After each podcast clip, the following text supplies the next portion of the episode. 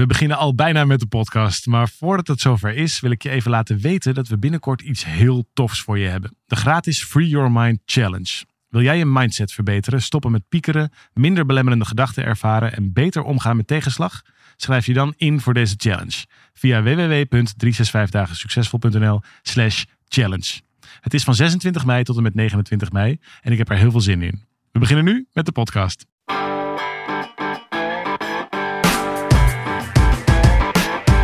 Van harte welkom bij deze podcast van 365 Dagen Succesvol. Wij zijn David en Arjan en we delen in deze podcast de eye-openers die cruciaal zijn voor een gelukkiger leven. Gelukkig nieuwjaar. Gelukkig nieuwjaar, maar net zeggen je altijd Ja.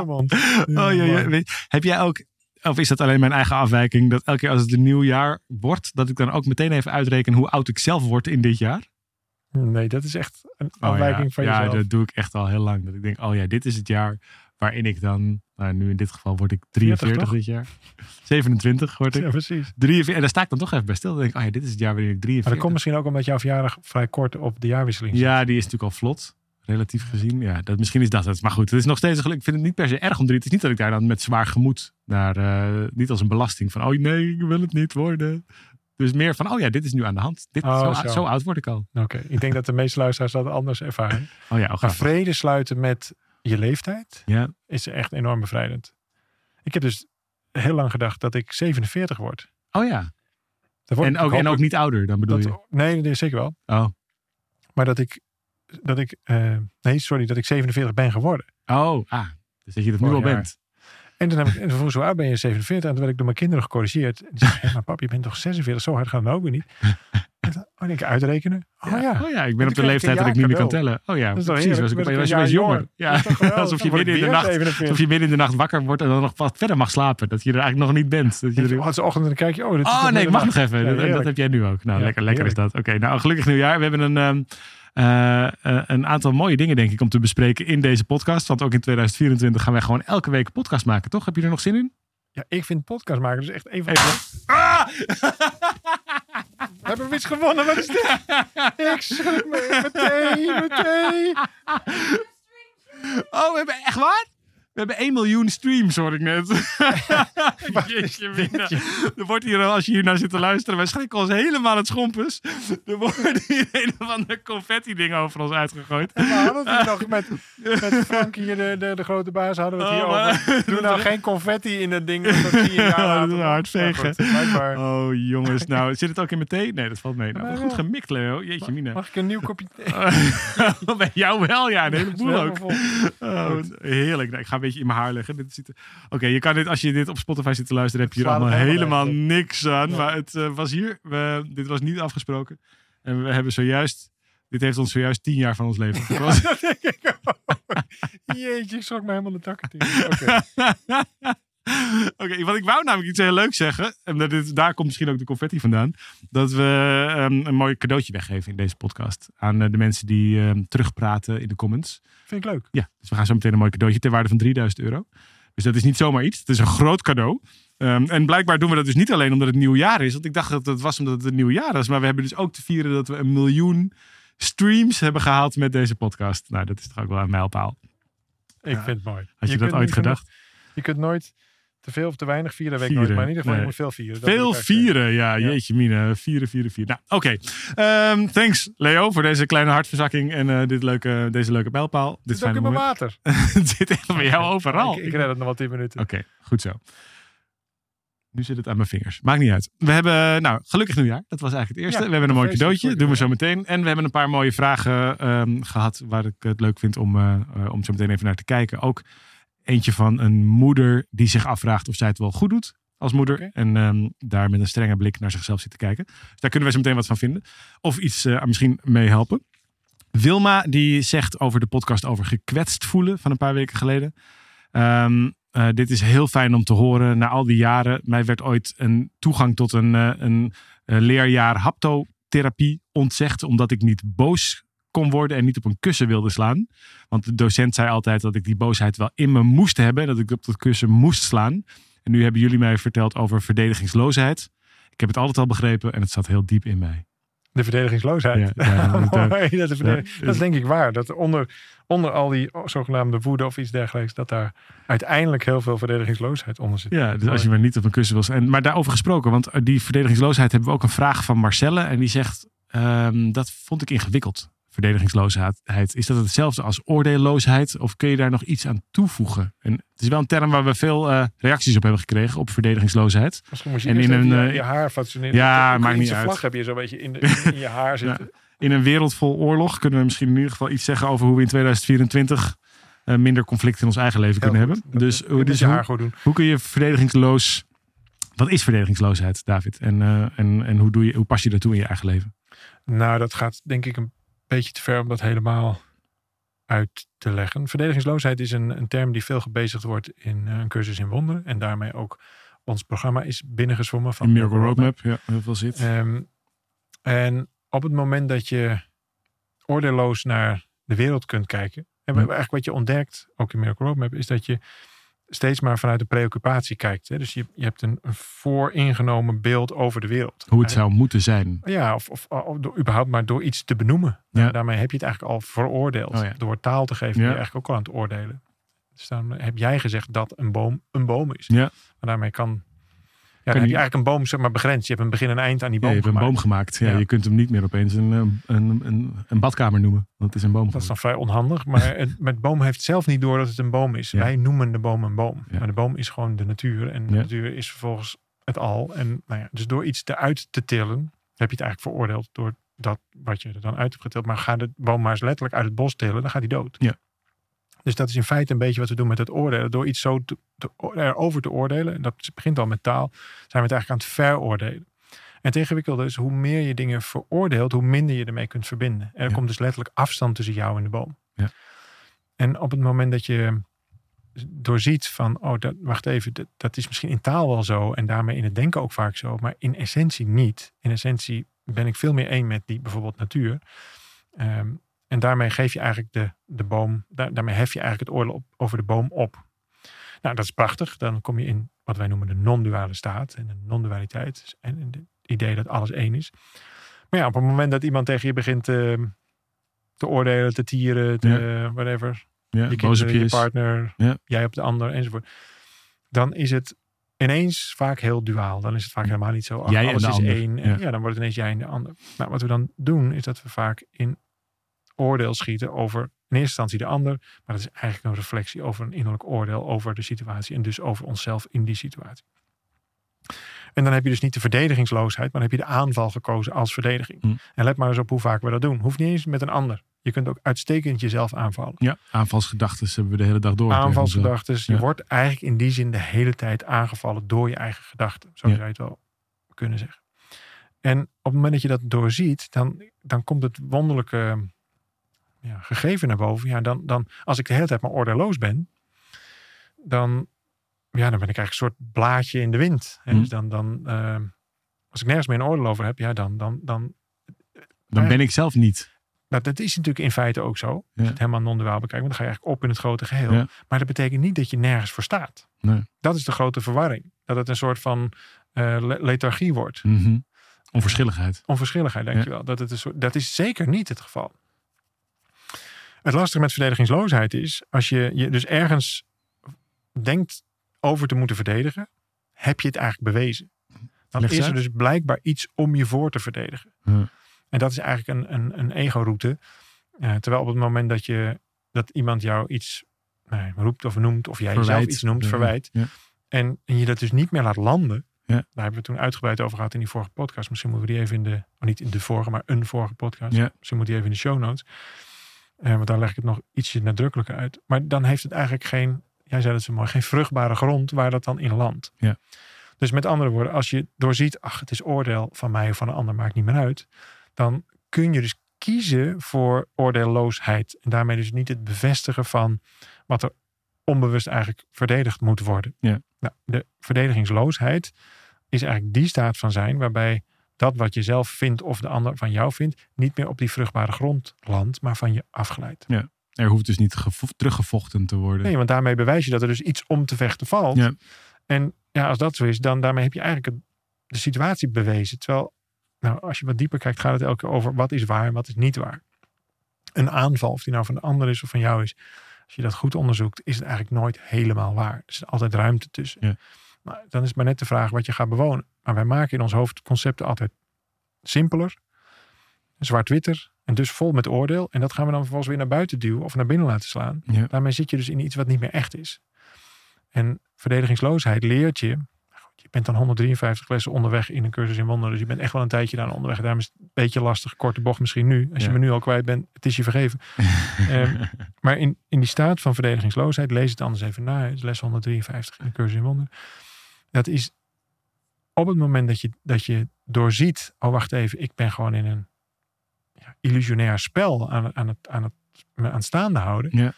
Dat hoeft dus niet meer. Dat is verdedigingsloosheid. Dat is helemaal niet meer dat je gevoelloos wordt of eh, dat je de hele boel maar laat waaien. Integendeel. Nee. Maar het is, eh, het, het is eigenlijk een plek, de plek van vrede bewaren. Je wordt ineens spaceholder voor de ruimte. In plaats van dat je gaat betwisten of iets wel of niet waar is. Klopt. Ja, Ja. of het wel of niet klopt. Ja. En, en je maakt eigenlijk. En er zit ook de veronderstelling in dat de wereld beter af is als je gelijk hebt gekregen. Of als de ander het met je eens is. Of zelfs als de ander je begrijpt, bijvoorbeeld. ja, Terwijl je begrijpt jezelf vaak natuurlijk al Ja, niet we eens. hebben vaker gezegd hier, vrede is niet het, het dat je aan dezelfde kant staat, maar vrede is de ruimte ertussen. Ja. Dus je maakt eigenlijk vrede met iedere situatie. Lukt dit dan de hele dag? Lukt mij dit de hele dag? Absoluut niet. Nee. Zeker thuis niet. dat, is de, dat, is de, dat is de grootste oefenschool eh, die er is. Maar is het boeiend om je dat te herinneren? Ja. Absoluut. En zodra je het jezelf herinnert, niet als trucje, maar als waarheid, dan is er ook meteen kalmte. Dan voel je, dan weet je, het is meer nog dan voelen, dan weet je, dit klopt. Je hoeft je namelijk nooit te verdedigen op iets. Je kunt er wel samen naar kijken. Ja.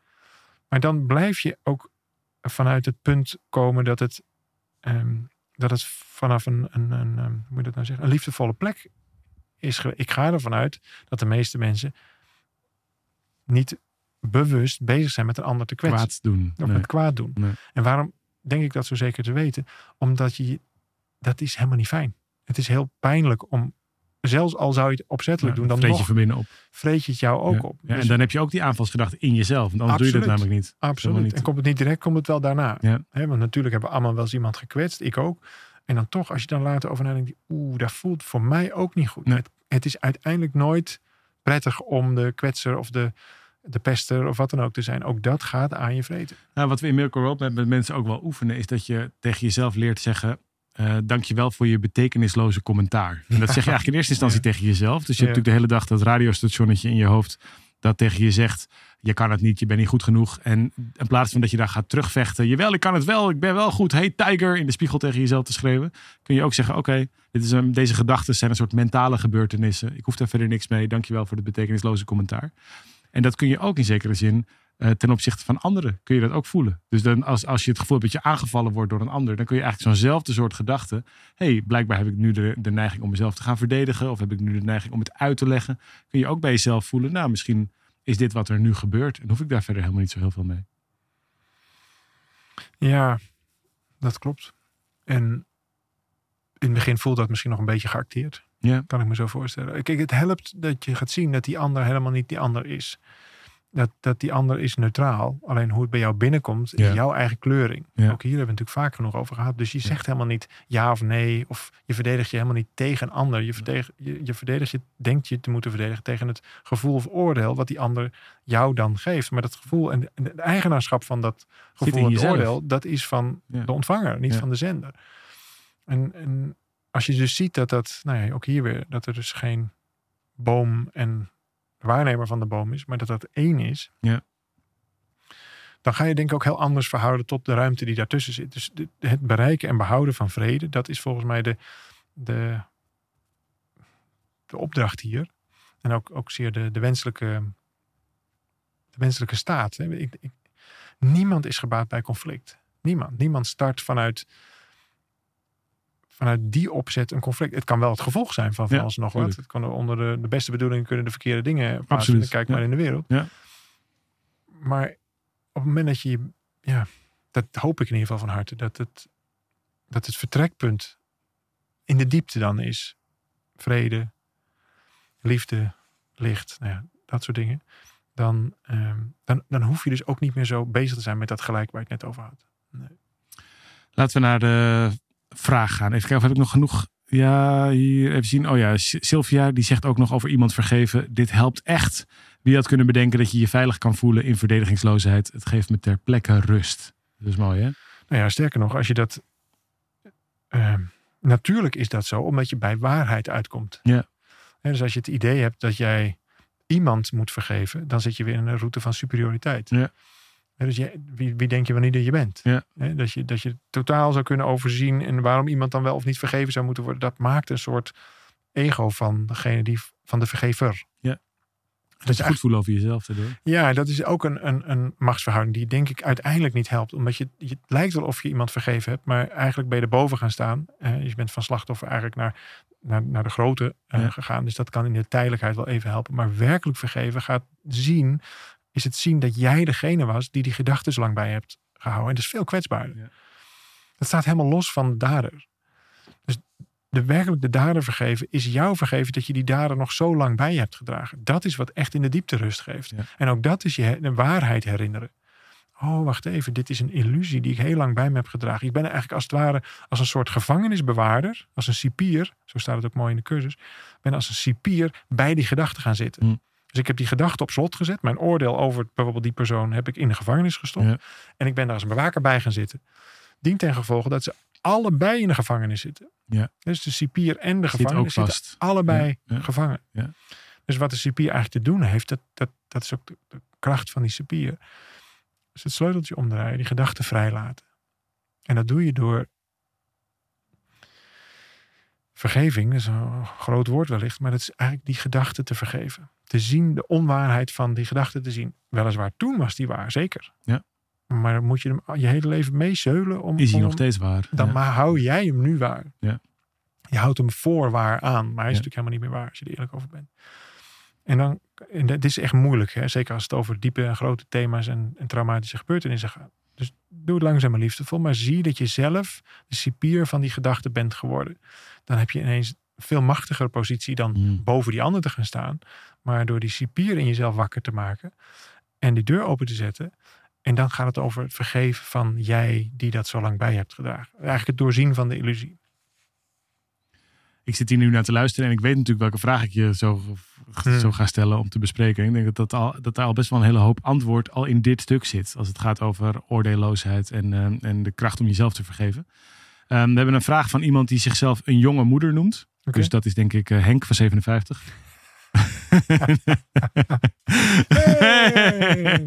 dat, dat, dat, dat stapte we snel overheen. Een miljoen streams, had je het gehoord? Ik ben er Een nog steeds enthousiast over. Ja. Eh, Over en, een eh, verhaal notabene waarvan wij echt niet hadden durven dromen. Zo zie je maar hoe, hoe je dus dingen helemaal niet hoeft ja, te weten. ja. Wij gingen opnieuw weer podcasten. Waarom gingen we opnieuw weer podcasten? Omdat we een nieuw we zelf onze gedachten hierover wilden ordenen ook. Ja, omdat we dit willen leren, omdat we het leuk vinden om te delen, want daar leer je ook weer heel veel van. En omdat we een nieuw haakje hadden, namelijk non-dualiteit. En, en vervolgens ook om zo van, nou, we zien wel.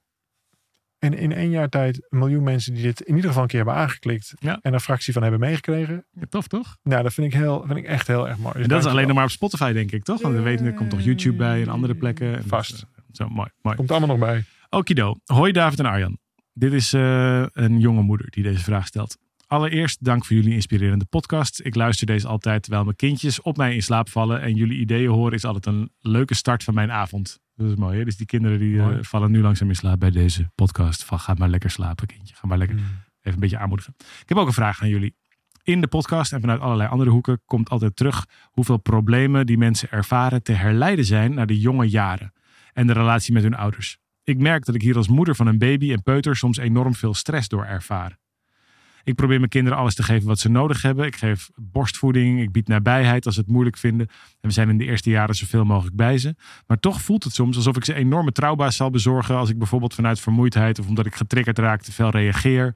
Of als ik ga werken en ze huilend eh, achterlaat. Ik raak dan helemaal gestrest en dan maak ik me wel zorgen dat zij die stress weer vo- voelen.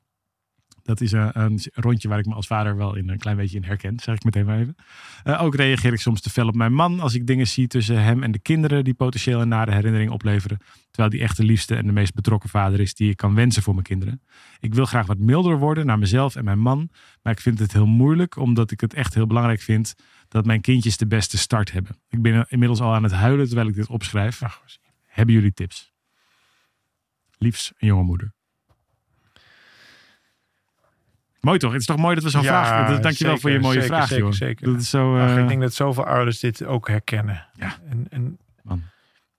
het, is, het is misschien ook wel een luxe probleem van deze tijd. mhm. en Het, het, het beroemde curling effect voor ouders. En we willen ze natuurlijk zo glad mogelijk gestreken. eh, Beschermen tegen elke mogelijke pijn. Ja. Ja. Ik weet nog wel dat een, een, collega van, een collega van ons van vroeger. Die had ze, zijn kinderen van die horloges omgedaan. Dat je altijd kan zien waar ze zijn. En dan kon Oh, ja. met één druk op de knop naar huis bellen. Ja, Ik vond dat zoiets dat vreemds. is wel heftig eigenlijk, hè? Ja. Ik ben gewoon opgevoed met als de straatlantaarns aangaan, dan moet je naar binnen. Precies. Ja, en niet met vreemde mensen meegaan. En dat was het zo'n beetje. Dat, ja. dat waren de, echt de enige twee. Mijn ouders wisten echt niet waar ik was. Nee, nee, dat is maar goed ook, denk ik. Maar het is wel, we hebben wel eens een keer eerder gezegd, dat is alweer een tijdje geleden, want de, eh, dit onderwerp. Ehm, maar als je je kinderen perfect opvoedt, dan heb je ze eigenlijk verpest. Dat hebben we wel eens gezegd. Als je je kinderen perfect opvoedt, heb je ze verkloot. En dat, dat klinkt natuurlijk nu weer als een soort van... oh, dan zie je doe ik zelfs dat niet goed. ja. Maar laat ons even uitleggen. Nou ja, je hebt daar toen ook een heel mooi stuk over geschreven... in ehm, Glimlach van een kind, in ons boek daarover. Oh, ja, ja. Over hoe, hoe je met het goede doen... eigenlijk misschien wel het verkeerde voorbeeld geeft. Nou, kijk, weet je, wat, wat ik heel erg geloof is dat, ehm, dat je kinderen het ook nodig hebben om zich ergens tegen te kunnen afzetten. Hm. En dat betekent dat het helemaal niet per se, dat het altijd, daar vinden ze zichzelf Dat in. gaan ze zeg maar. dat gaan ze toch wel doen, ja. Ja. En als ik dan dit soort dingen lees, weet je, je bent er, je, je brengt tijd met ze door, je bent bewust met dit soort dingen bezig, dan heb je volgens mij eigenlijk alles al gedaan wat je zo'n beetje kan doen. En daar, de, de- het enige wat, er, wat, er, wat je nog toevoegt, is heel veel strengheid en oordeel over jezelf. En het zou me dus niks verbazen als je het eigenlijk helemaal perfect doet. En, en, en dat je het enige wat je je kinderen nog zou kunnen, extra zou kunnen leren, is door wat liefdevoller naar jezelf te kijken. Want wat, wat ze namelijk ook leren elke keer, die kinderen nu, is dat als je alles goed doet, dat je dat nog steeds niet goed doet. Kinderen luisteren niet naar wat je zegt. Dat was je waarschijnlijk ook al achter. Je man trouwens ook niet. En, maar ze kijken wel naar hoe je het doet. Ja. En besef je dus dat, het, dat je intenties zijn hartstikke zuiver en goed. Hè? Daar hebben we het hier helemaal niet nee, over. natuurlijk. Maar op het moment dat je weet dat ze kijken naar hoe je het doet, dan klopt het dus precies wat jij net zegt. Namelijk dat je voor, voor doet hoe, Hoe je jezelf afwijst. niet goed is. En Ja. dus op, het, op de lat zo hoog legt dat je Ja. er zelf niet eens meer overheen kan, kan springen. En dit kun je terugzien of dit ga je terugzien in je kinderen. Want dat, dan moet jij dus de perfecte ouder zijn. Zo schreef jij dat in het boek ook. Ja. En dat Dan moeten zij dus de perfecte kinderen juist, dan zijn. gaan de kinderen dus automatisch bedenken. Oh ja, nou dit is hier wel heel perfect. Nou dan wordt er van mij automatisch ook heel veel De verwacht. lat ligt te Dus hoog. je hoeft geen Ja. perfecte ouder te zijn. Zelfs al, al zou je denken dat het zou moeten. Het kan helemaal niet. Bestaat niet. bestaat helemaal niet. Dus Nee. dat is een illusie. Dus daar wil je meteen uitstappen. Ja. En het mooie is, als je nou een mooi voorbeeld wil geven aan je kinderen. Dat ontslaat je kinderen dus meteen. En je partner trouwens ook. Om het perfecte kind. Of Ja. Eh, als je naar de partner kijkt, de perfecte partner. Ja, Moet, je partner is niet de perfecte partner. En jij bent ook niet de perfecte partner. nee. En niet de perfecte moeder en niet de perfecte kinderen. En dat is dus perfect. En dat is dus heel echt een heel goed idee. Het is een heel bevrijdend idee. Ja, Het heerlijk. is een heel bevrijdend idee. Ja. Ja, volgens mij, de, de, de, de echte oefening is helemaal niet zozeer om geen fouten te maken of om het alleen maar perfect te doen. Maar de echte oefening is volgens mij om, om soms sorry te kunnen zeggen. Dus om het weer even goed te maken. Met jezelf, denk ik vaak in eerste instantie. met, met je je partner. dat gaat je enorm helpen. En, en ja. maar ook met je kinderen. Dus weet je, als je, dan schreeuw je een keertje tegen ze. Nou en, dat doen je kinderen ook tegen andere kinderen. En dan leer je ze vervolgens dat je het daarna weer goed maakt. Want dat doe je zelf ook. Ja, dit hoef je niet op te zoeken overigens. Maar op het moment dat je... we vliegen doen ze gewoon, allemaal ja. een keer uit de bocht. Tuurlijk. Maar wat heel he- heilzaam is, wat ook een heel mooi voorbeeld is, inderdaad, making amends. En Ja. dus zo- zeg daarna gewoon, oh, papa was even niet, of mama was even niet helemaal, zus en zo. Sorry daarvoor. Ja. Dus weer, volgens mij wil je eigenlijk kind, kinderen... je wil ze niet een soort van het perfecte plaatje laten zien, maar je wil ze het echte plaatje laten zien. Dus mensen maken ruzie, mensen zijn verdrietig, mensen maken fouten, mensen doen domme dingen. Mensen maken... En vervolgens ga je weer bij elkaar en, en, en kijk je of je elkaar weer verder kunt helpen. En ik denk dat als je als moeder en ik denk dat je dat als, al zo, als je dit soort dingen doet en er al zo bewust van bent, en zelfs om hulp vraagt, wat volgens mij ook heel expliciet. Zeker, Weet je, als je dat aan je kinderen laat zien, kun je gewoon met ze, met ze delen. Yo, ik vind dit spannend, ik ga even hulp vragen. De, allemaal dingen waar je kinderen volgens mij echt ehm, uiteindelijk het echte stuk van hebben. Dat zit hem heel erg in die zachtheid en niet in die perfectheid. Ja, er is nog wel een interessant laatste staartje trucje, zeg maar, wat je heel goed op kan toepassen. We hebben het hier ook wel eens eerder in een eerdere podcast met een, in een heel ander Vertel. eh, verband gezegd, namelijk over iemand met een dwangneurose. Op het moment dat je zo de drang hebt om het goed te doen, daar ook stress van krijgt in het idee dat je het niet goed doet, blijf dat dan vooral doen. Blijf vooral het idee hebben dat je het heel goed moet doen. En hoe doe je het dan heel goed? Door het voorbeeld te geven wat je eigenlijk echt wil geven, namelijk te relaxen. Ja. Dus ga dan heel goed relaxen. Ga heel goed laten zien dat je af en toe om hulp vraagt. Ga heel goed een keer sorry zeggen over dat je, dat je Ja. Dus dan hoef je namelijk niet van het idee af. En anders wordt dat namelijk weer het trucje van het ego. Dat dat dan weer heel goed moet. Ja. Maar je, je bent nou eenmaal heel zo zelfbewust dat je bijna alle weeffouten wel Ja. een bloot weet te leggen. Zie dat dan als het goede. En dan kun je eigenlijk vanaf nu gewoon, het enige wat je nog hoeft te doen, is daarin te relaxen. Ja, het, het kan niet fout gaan. Alleen maar anders dan dat je misschien had verwacht. En dat is vervolgens de bedoeling. Precies. Dus je helpt je kinderen niet met het, want het wordt een poppenkast. Het wordt, Ja. het, het wordt En een last. een enorme last. Het wordt een enorme druk erop. Het lukt nooit. En vervolgens zul je ook merken dat je eigenlijk, ehm, om dat beeld in stand te houden, de, de, de, de, kantjes afsnijdt of een keer eh, een, een, ehm, een façade ophoudt. Ja. En dan wordt het een toneelstukje. Ja. Eh, Om het beeld maar in ieder geval naar jezelf en misschien nog naar, nou dat is dan wel interessant, naar, naar voor wie wil je dit beeld Mhm. netjes houden? Of ik ook wat naar kijken, Dus dat ja. is, dat is Ja, ook nog wel interessante. Maar goed, dat, Voor wie moet je het allemaal perfect doen? Ja. wie heeft je dat verteld? Of, of wat, wat had je... Oké, één heel klein uitstapje. Ach, maakt er niet uit. Toch de eerste van het jaar. Ja. Daarom kan je het hele jaar op door, eh, jonge moeder. Nou, wie weet. Kijk, vaak is het zo, ik druk me voorzichtig uit, dat de leeftijd die je oudste kind heeft, als je een dochter hebt, vaak je, oudste dochter of het geslacht wat je zelf hebt. Maar dat kan ook anders zijn, maar ik zie dat in ieder geval bij ons thuis, zie ik dit precies zo. Helpt het om eens te kijken, hey, waar was ik toen zelf in mijn, in mijn kinderjaren en wat had ik heel graag anders gewild? En het zou mij niks verbazen als daar bepaalde patronen, dat je de, en daarom stel je natuurlijk nu ook de vraag, maar dat die doorzien willen worden. Dus het is juist mooi dat het zich even zo aandient. Je hebt waarschijnlijk zelf die perfecte jeugd niet gehad. Niet op die manier. En dus in de leeftijd waar je eigen kinderen nu zijn, wil je ze iets geven wat je zelf niet hebt gehad. En zie dat je je kinderen dus eigenlijk opzadelt met, met het idee van, ach, vanuit liefde wil ik je zo graag dat jullie dat voorkomt. En dat ik dat kan voorkomen voor jullie. Maar dat je eigenlijk een eigen oud stuk aan het verwerken bent. Dit is niet de route. Het is niet de route om je gezin van nu te gebruiken om dingen goed te maken die je zelf anders had gewild in je verleden. Waar het gezin wel uitermate nuttig voor is, en daarom zei ik eerder al, thuis is het een stuk pittiger om, ehm, om dan maar in die verdedigingsloosheid te blijven. Omdat je daar de hele tijd die spiegels ziet, de hele tijd die triggers ziet. Dus waar is een gezinssituatie nou uitermate geschikt voor om in die spiegel te kijken? Dus het brengt het naar boven, Ja. Maar doe niet mee. Dus het brengt het naar boven. Oh, ik zie nu, ach, als meisje had ik graag zo en zo en zo gewild. Ik had zo graag gewild dat er iemand voor me was. Ik had zo graag gewild dat we überhaupt een gezin waren met elkaar. Ja. Daarom, leg ik, daarom leg ik die lat zo hoog.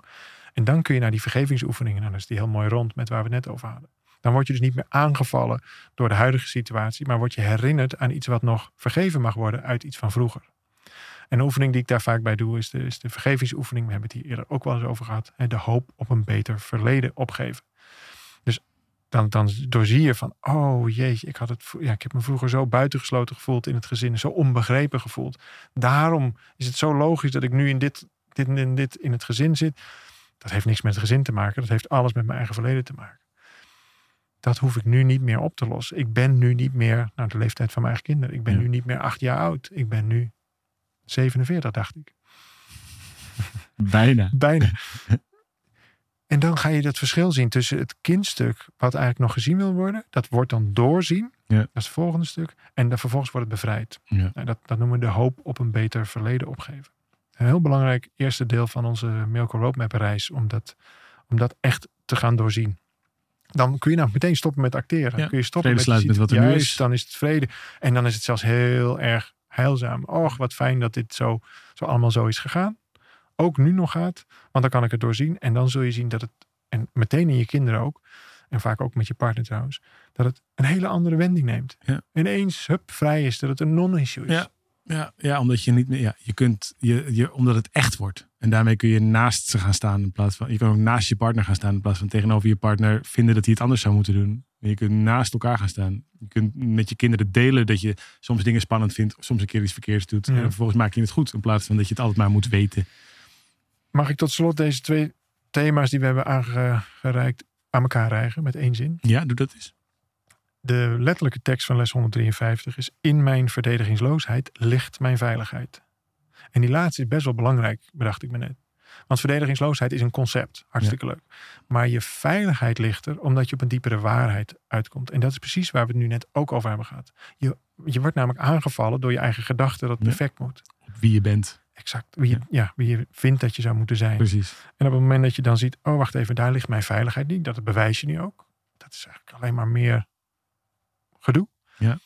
In mijn verdedigingsloosheid ligt mijn veiligheid. Oh ja, ik hoef mij niet meer te verdedigen. Ik hoef niet het plaatje, wat een vorm van verdedigen is, groot te houden. Of ik hoef niet het perfect te doen. Ook een vorm van verdedigen eigenlijk. Want je werd aangevallen. En dan kom je in dat veilige stuk terecht. En dat is volgens mij wat je je gezin wil bieden, wat je jezelf wil bieden. En het voorbeeld wat je wil geven aan je kinderen. Ja. Oh ja, in mijn verdedigingsloosheid ligt mijn veiligheid. Nou, ga allemaal even les 153 lezen. Dat kun je ook gewoon googlen. Dan hoef je niet te kopen. Kan ook maar lezen het vooral een keer. Want dan ga je namelijk zien dat dit precies het stuk is waar ook jouw rust en vrede zal zijn. Nou, laat dat nou het mooiste voorbeeld zijn wat je je kinderen kunt geven. Mooi. Het eh, jaar is weer begonnen, 2024. Laten we, laten we verder op onderzoek gaan. Leuk als je laat weten, jonge moeder, eh, als je dit hebt gehoord, wat je er eh, aan hebt gehad. Ehm, voor alle andere luisteraars, ik zei natuurlijk al, we hebben een mooi cadeau, deze podcast. Oh ja, Omdat we, nou ja, we zitten hier nog steeds tussen de confetti. dat zie je niet op Spotify, maar dat zien wij wel. Ja, we hebben al een beetje lichte medelijden met de schoonmaakploeg zometeen. Misschien moeten we zelf alvast een bezemtje erbij pakken. Eh, en eh, omdat we een miljoen streams hebben gehaald en er is een nieuw jaar begonnen. En daarom vinden we het leuk om een prachtig cadeau weg te geven ter waarde van 3000 euro. Namelijk over een paar weken beginnen we alweer met een nieuwe klas van Miracle Roadmap. We hebben er ongelooflijk veel zin in. Het programma wordt weer een stap beter dan eh, de afgelopen rondes is geweest. We Ja. hebben weer zoveel mooie nieuwe inzichten en oefeningen toegevoegd.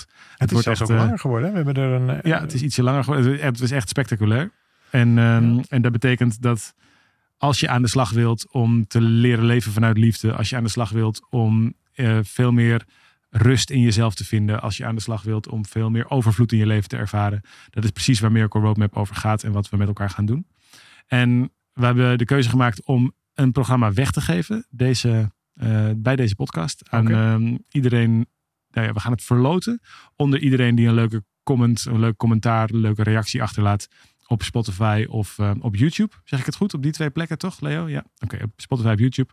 En dan, ehm, eh, dan eh, gaat hij naar een van de, van de commentaarachterlaters. Wat leuk. En dat maken we dan volgende week bekend of zo? Twee weken, Ja, dat maken we dan. Ja, volgende week die week daarna maken we dan bekend wie dat is geworden. En dan eh, kunnen we bijna meteen aan de slag. Want we beginnen natuurlijk al bijna. En de volgende ronde zit al bijna vol. Dus er zijn ook niet heel veel plekken meer. Maar dan reserveren we in ieder geval één plek voor de winnaar van deze, eh, wat van deze commentaarwedstrijd. Ja. Als het nou een succes is, dan gaan we dit vaker doen. Ik vind het leuk. Zou je het je weggeven? Nou ja, en het, Ja. het geeft ons ook de gelegenheid om gewoon veel openlijker over Miracle Roadmap te praten. Ik vind dat, dat zou ik echt graag meer willen doen dit jaar. Dus dat is mijn goede voornemen. Oh ja. Om, wij hebben echt een feest van een programma. Ja. Vind ik echt een feest. ja, we doen het een beetje tussen de regels door We natuurlijk doen een beetje tussen de regels door. Het is ongeveer verder nog het enige wat ik verder nog doe dan deze podcast. Dus het is Miracle Roadmap en dit. En Ja. af en toe nog eens weten tussendoor. Maar dat is een beetje mijn leven.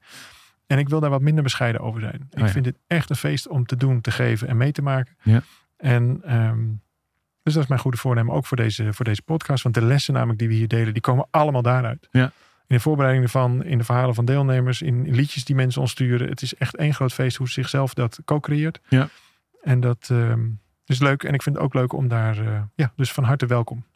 Win deze prijs van. Win deze prijs. En eh, daarmee sluiten we hem af. Het is meteen de langste podcast van dit jaar, denk ik. Die we zo in één keer hebben gemaakt. We zijn gewoon over een half uur heen. Dat gaan we, gaan, we, gaan we niet meer doen. Ja, het is ook al de kortste Ja. van 2024. leukste. Kijk, kijk wat we volgend jaar doen. Nou, top. Dankjewel voor de confetti, Leo. Top, fijn. Dank je. Ja. eh, sorry, techniek, dat die eh, wat langer is dan normaal. Daag, dankjewel voor deze mooie meeting. En we zien elkaar volgende Ja, week. maak er een mooi weer, een mooi weer van. Maak er een mooi, ook mooi weer, ook fijn. Mooi jaar van wilde ik zeggen. Maak er gewoon een mooi jaar van. Happy New Year. Happy New Year.